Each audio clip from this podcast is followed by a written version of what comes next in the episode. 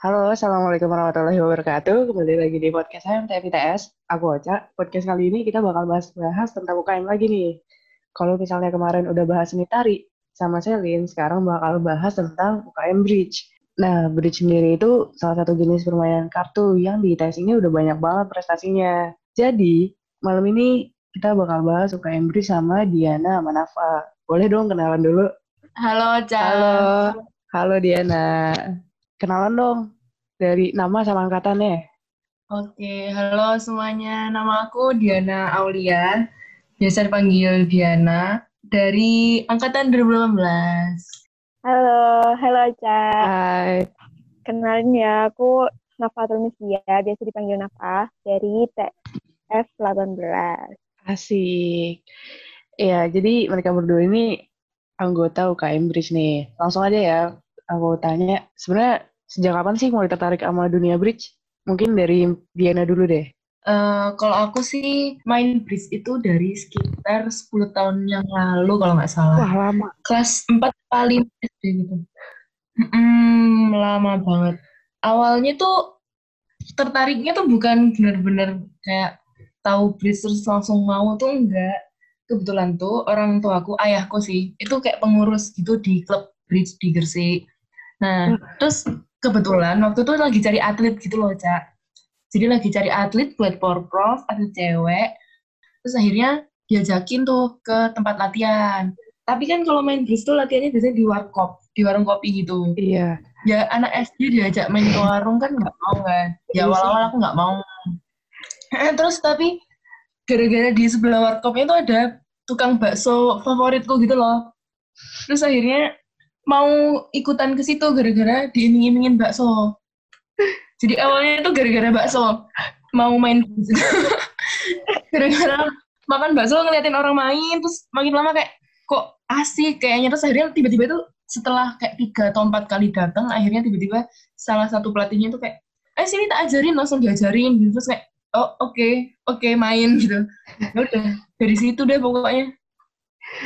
Oh jadi agak keturunan gitu ya Enggak juga sih. Ayahku tuh cuma ngurus tapi enggak yang pro player gitu enggak. Oh. Cuma bisa aja tapi enggak, enggak kayak pelatih gitu enggak.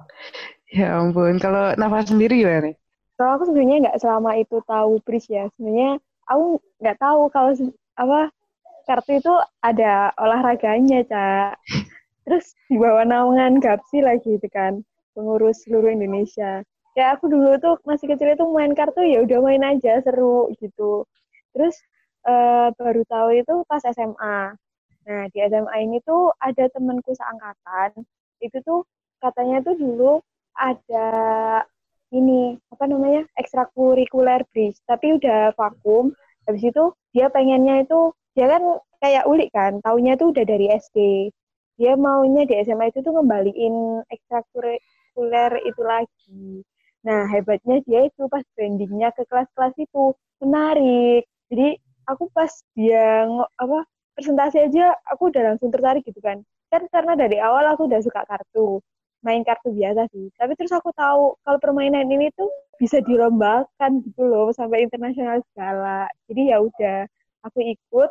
Terus orangnya di Gapsi Pasuruan itu juga baik-baik. Ya udah semakin lanjut terus sampai sekarang. Wih, berarti gitu. keren banget SMA-nya banyak ekstrakurikuler yang jarang. Kan ekstrakurikuler bridge jarang gak sih? Banget. Ya, Makanya aku baru banget. tahu itu baru tahu ya SMA. Dan teman-temanku yang waktu aku gabung itu udah tahu dari SD, SMP gitu. Aku baru SMA kan. Oh iya, dengar-dengar kemarin baru menang ya? Iya, boleh dong yeah. sharing pengalaman sama prestasinya. Gimana nih? Gimana Diana. Nih? Gimana Diana nih? Ya yang terakhir kemarin menang itu ada Piala Gubernur Jawa Timur. Jadi selama walaupun pandemi ini, Bridge itu masih tetap bisa main kan, tetap bisa eksis. Ya main online gitu ada aplikasi namanya Bridge Space Online. Oh, iya. Jadi kemarin tuh yang main, ya. Jadi kemarin yang juara di Piala Gubernur itu ya main online gitu. Tapi biasanya kalau nggak online ke mana tuh? Ya offline banyak juga sih diadain sama universitas atau dari Gapsinya. Gapsi itu kayak eh, pengurus bridge kayak, kayak PBSI kayak gitu gitulah Hmm. terus dari apa ya, dari internasional juga banyak ada eh, organisasi di Asia Tenggara ada di dunia juga ada Eh, bukannya Diana pernah keluar negeri ya buat lomba bridge-nya? Iya nggak sih? ya alhamdulillah Wih, 2018 itu ke mana tuh? cuma ke Filipin Ke mana? Filipin Wih, lumayan Itu tapi. event Asia Tenggara kali. ya yang ngadain CABF Southeast Asia Bridge Federation ya Keren, keren, keren. Tapi dari kemenangan itu banyak gak sih latihannya? Ya dari SD juga sih ya. Sekarang kalau misalnya di ITS sendiri, seberapa sering sih latihannya? Kalau di TS tuh sebelum pandemi ya, kalau sebelum pandemi itu offline tuh hampir tiap hari, biasanya di warung atau di sekre gitu. Sekarang gara-gara pandemi ya mainnya terpaksa online kan. Justru tapi karena pandemi mainnya online makin fleksibel, bisa siang, bisa malam. Iya, lebih sering gak sih jatuhnya? Mm-mm. Bener. Terus dari bridge ini sebenarnya ganggu akademik gak sih kalau misalnya dari kalian? Naf'a, naf'a, gimana Naf? Eh, gimana Nafa nih? Aku lah. Eh, Iya. Enggak juga sih kalau dari aku. Karena kan karena fleksibel itu kan. Dari mulai offline pun sampai sekarang pandemi pun tetap fleksibel gitu loh. Kalau kita pengen latihan, ya udah latihan. Kalau ada tugas, kan ini kita latihannya kan bisa di warung kan kalau offline. Kalau ada tugas ya tinggal ngerjain bareng aja di, eh nggak ngerjain bareng sih, ngerjain di warung. Tapi kita habis ngerjain ya lanjut latihan lagi. Kan jadi nggak bosen gitu kan. Apalagi kalau menurut aku tuh bridge itu jadi bahan refreshing otak gitu loh. Soalnya eh, kalau kita lagi suntuk, nggak tahu kenapa aku kalau lagi main kartu itu bisa fresh gitu otaknya. Ya sama Meskipun kayak, tetap mikir. sama kayak Ocha main basket lah. Ah, iya bener. aduh, capek basket mah ya ampun. Capek Eh. fisik ya? Iya capek fisik lari-lari ya. Terus kalau misalnya ah kan kalau di TF basket kan ada komunitasnya sendiri sih. Maksudnya kayak ada latihannya sendiri buat TF. Hmm. Nah kira-kira kalian ini ada rencana buat ngembangin komunitas pecinta bridge gitu nggak sih di TF? Nah itu sebenarnya dari awal tuh aku udah sering cerita gitu lah kenapa kayak aku tuh pingin bikin eh, tim bridge khusus anak-anak TF gitu loh. Soalnya kan kita selama ini kalau ikut pertandingan gitu kan atas nama ITS, jadi sama semua teman-teman dari ITS kan dari jurusan lain juga. Nah aku tuh pengen banget bikin tim yang khusus anak-anak TF doang gitu. Jadi ibaratnya kalau kita juara itu benar-benar ngebanggain HMTF-nya langsung gitu, nggak atas nama se-ITS gitu. Tapi ya makin ke sini makin dikit gitu eh, teman-teman yang join di Bridge. Dulu itu waktu awal-awal UKM ini ya, UKM Expo di 2018, itu tuh lumayan banyak yang join Bridge dari teman-teman angkatan kita 2018. Tapi ya makin lama tuh makin rotol, sisa aku sama Nafa aja yang 2018. Tapi kalau dari 2019-nya itu sejauh ini sekitar dua atau tiga orang gitu kalau nggak salah yang masih lumayan aktif. Iya Ya, kayaknya gitu. Pada memandang sebelah mata doang ya bridge ini. Padahal udah banyak prestasinya kalau misalnya aku lihat TL sih, wah Diana ngepost lagi nih. Sebenarnya tuh emang eh, olahraga bridge tuh nggak banyak orang yang tahu. Jadi emang susah mau ngajakin orang buat main bridge. Tapi karena tapi beberapa orang tuh juga minat sama bridge karena ngelihat kayak eh ini peluang buat menangnya itu lebih gede gitu loh. Karena pemainnya sedikit, jadi peluang buat menangnya kan lebih gede tuh daripada misalnya kayak basket kayak semua orang bisa basket gak sih gitu. Atau sepak bola ya kan kayak mau jadi juara di eh, bulu tangkis lah yang kayak kan bulu tangkis ada kayak sendiri atau berdua gitu gak sih? Iya. Nah kalau kayak bulu tangkis gitu kan semua orang bisa kayak latihan bisa bisa dengan gampang cari akses latihan gitu loh. Sedangkan kalau bridge itu kan udah nggak banyak orang yang tahu. Terus buat cari apa ya bahan latihannya itu nggak banyak juga gitu loh platform-platformnya buat belajar bridge. Iya, aku, Jadi lebih susah. iya aku aku sendiri sebenarnya masih kurang sih, nggak tahu aku bridge itu mainnya gimana ya. Mungkin nanti bisa diajarin kali ya. Sabi, sabi. Ayo ajarin aku ajarin. Tapi kalau di UKM tuh yang jadi pengurus buat latihan-latihan gitu tuh ya Diana ini, Cak. Wih. Ini, uh, Berarti mungkin anak TF bisa ya kali ya kadernya, kader misalnya mau latihan. PSM-nya. Bisa, bisa banget, bisa banget. Ayo diajarin ajarin. Eh, kira-kira dari HMTF sendiri ada nggak sih yang bisa HMTF lakukan untuk mensupport para atlet bridge di TF ini? Ya kalau ditanya itu sih emang gimana ya? Balik lagi ke yang tadi kan emang di situ nggak banyak yang tahu gitu loh olahraganya. Jadi juga mau bikin apa-apa di NTF juga ya kurang. Ya paling kalau eh, mau apa ya? Mungkin paling apresiasi aja. Misal kita ada prestasi ya diapresiasi terus dibantu doa aja. Kalau kita mau berangkat misal mau pertandingan didoain aja biar kita menang. Am- Amin. Iya, betul, betul. Amin. Aduh, Mm.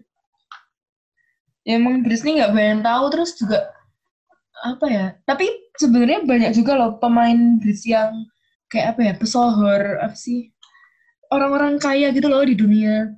Kalau nggak salah itu ini siapa sih orang Facebook CEO Facebook. Mark- Aduh ya ampun kelihatan bego gak sih? Mark Zuckerberg. siapa sih? Nah Mark, itu. Iya, Mark Zuckerberg. Itu Nah, itu Bill juga Gates juga main nggak sih? Ya Bill Gates Terus yang sempet viral kemarin tuh kan pemain ini kan eh SEA Games, Pak Michael Bambang Hartono, bosnya Jarum.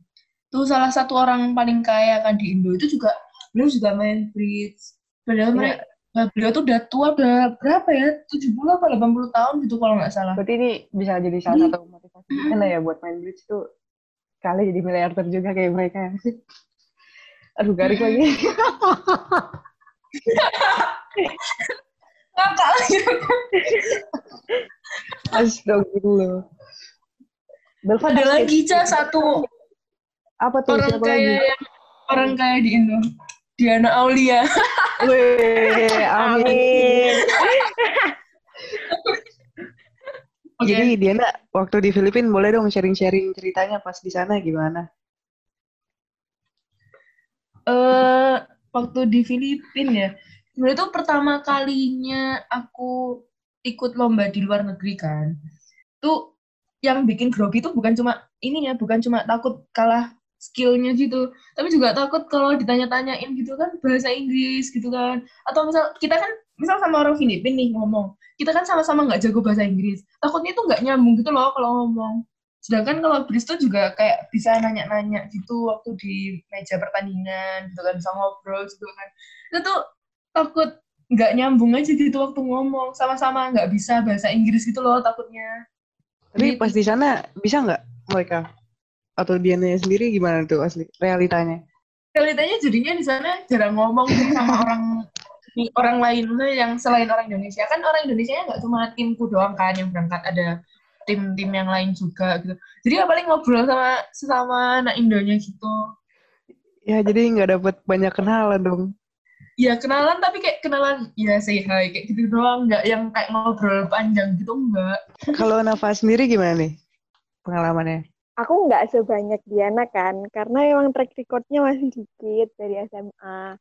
Itu paling yang paling yang paling gede itu yang pernah aku ikutin tuh ya ke Jurnas kemarin itu bareng Diana dan lain-lain itu.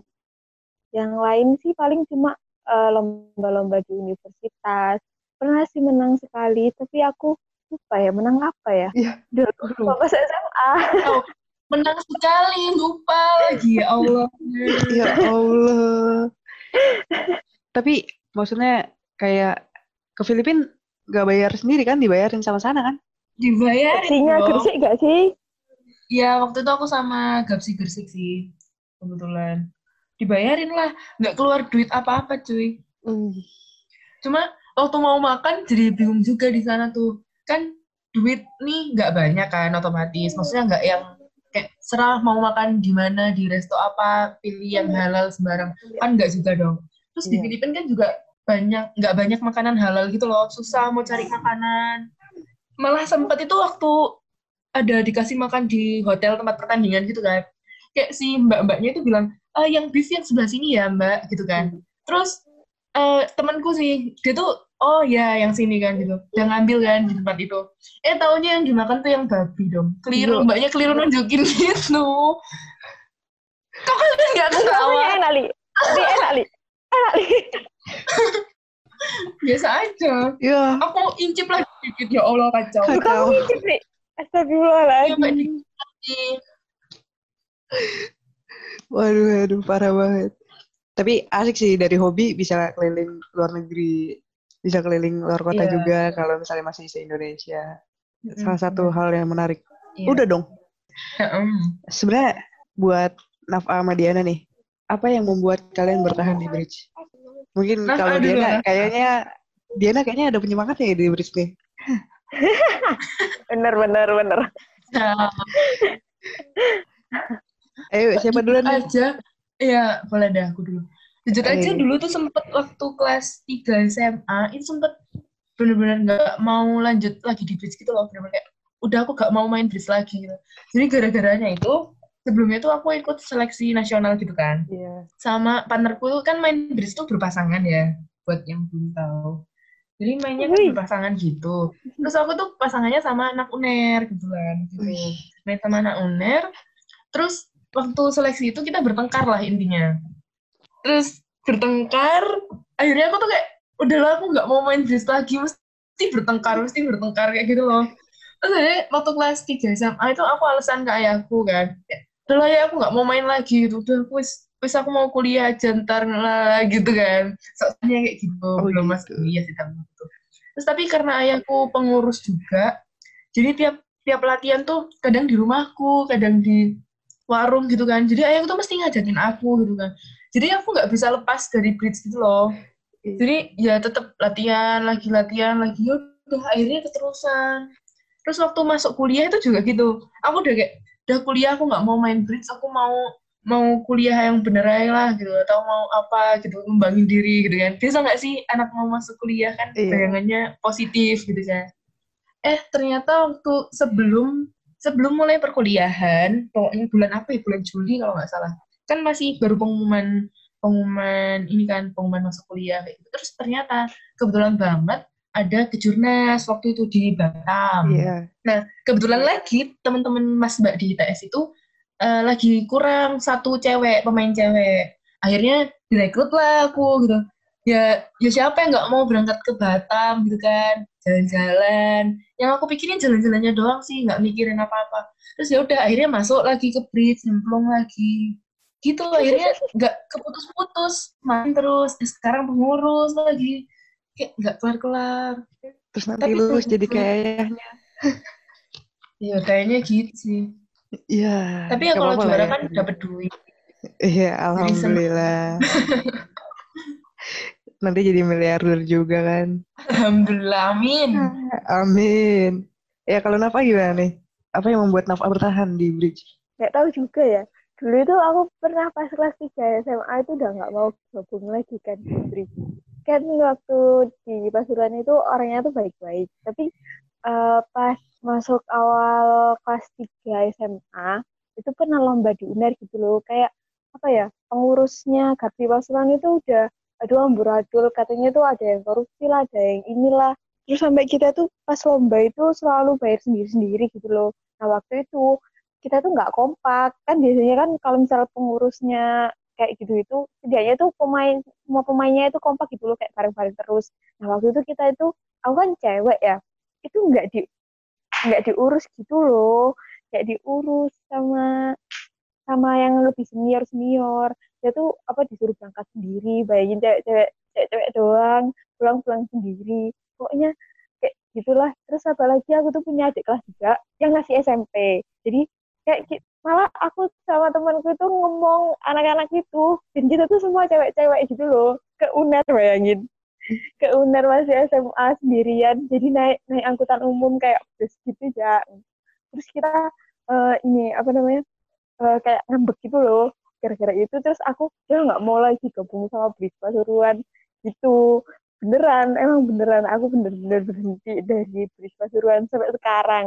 Tapi di kuliah gabung lagi di UKM Bridge. Nah, pas gabung ini kok orang-orangnya baik-baik ya gitu. terus aku bandingin sama orang-orang teman-temanku yang di berita suruhan ini. Aduh lebih asik gini kayak mereka itu kompak semua gitu loh. Jadi ya udah bertahan aja. Terus terus aku juga suka kan karena jadi bahan refreshing biar aku punya kegiatan lain gitu loh. Apalagi bisa dilombain. Udah sampai sekarang akhirnya. Orangnya asik-asik itu sih yang paling yang paling jadi Salah satu yang bikin bertahan di M itu juga kekeluargaannya gak sih, Nah? Wih. Mm-mm, bener Emang kita kalau tahu ya? kan, kita kan Ya. itu kan sampai alumni alumni segala aja Hmm. kita tuh kadang nongkrongnya tuh sama alumni segala dari 2012 gitu aku jadi bisa kenal gitu loh orang-orang alumni sampai yang tua-tua juga sih, sampai kita sampai punya Ngomongnya grup gitu kan 90-an kan juga masih keep in touch gitu lah. Ada grup gitu kita kadang-kadang bikin kayak om-om tuh bikin apa ya kayak challenge gitu loh di grup itu. Terus ntar yang menang dapat hadiah kayak gitu-gitu. Jadi kitanya mahasiswa butuh duit gitu kan, om-omnya butuh menghabiskan duit deh kayak. Jadinya cocok nggak ketemu. ya gitu Wih. Sebenarnya merasa agak insecure gak sih berprestasinya di bidang non akademik? Siapa dulu? Dulu, Nafa dulu deh. kalau dari aku ya enggak sih. Mungkin karena ini ya apa atlet itu kan nggak terlalu menang juga. Mungkin kalau buat ke depan ke bidang kerja itu mungkin ya nggak nggak bakalan bisa buat jadi kerjaan utama kan. Paling ini tuh cuma jadi hobi aja terusnya.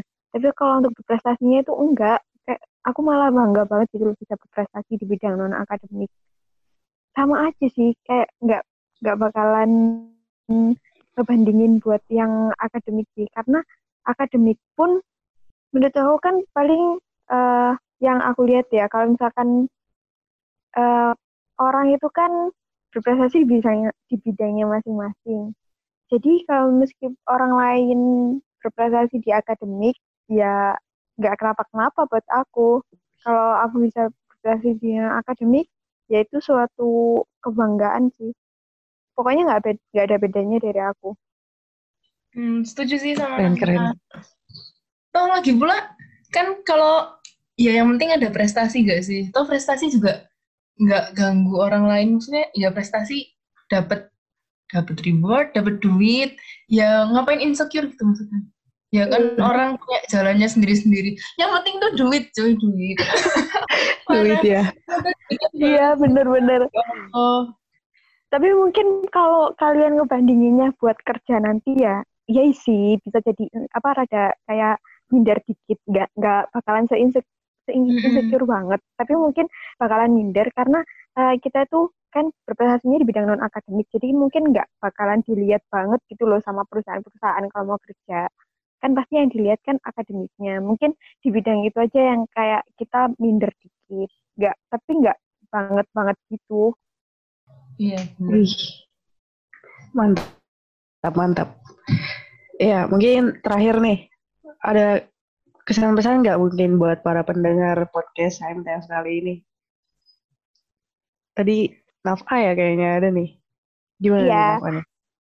kalau semoga ya apa namanya eh, anak-anak dengerin juga yang 2019 yang yang lagi join bridge tetap latihan terus kita selalu welcome kok nggak apa nggak usah minder kayak aduh apa potensiku dikit nih terus aku nggak jago aku tuh apa dibandingin temen-temenku yang lain kayak gini enggak nggak kayak gitu semua itu apa ya semua kan belajar ada prosesnya dan punya timelinenya masing-masing. Jadi nggak usah minder gitu loh kita selalu welcome tenang aja. Kalian mau pengen pengen latihan ya ayo kita tuh bakalan welcome banget gitu loh. Nggak usah minder takut takut apa dimarahin atau apalah.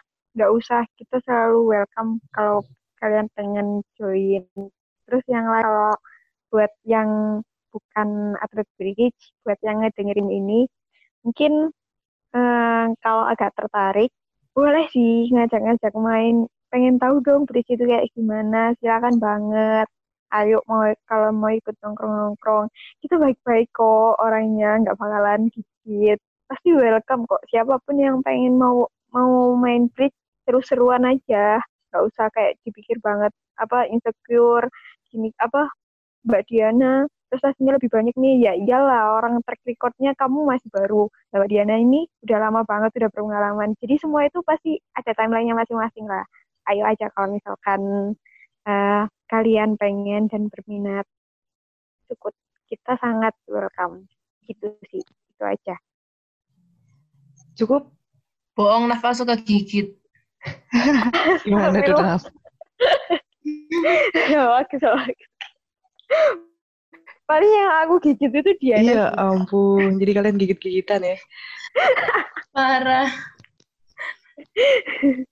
Ya mungkin bisa dicukupkan dulu kali ya untuk podcast kali ini. Terima kasih buat Diana sama Nafa udah sharing-sharing tentang bridge. Mas Tadi sama ya, tadi juga kata Nafa kalau misalnya mau main diajarin atau juga seriusin boleh mungkin ngechat mereka. Hubungin aja.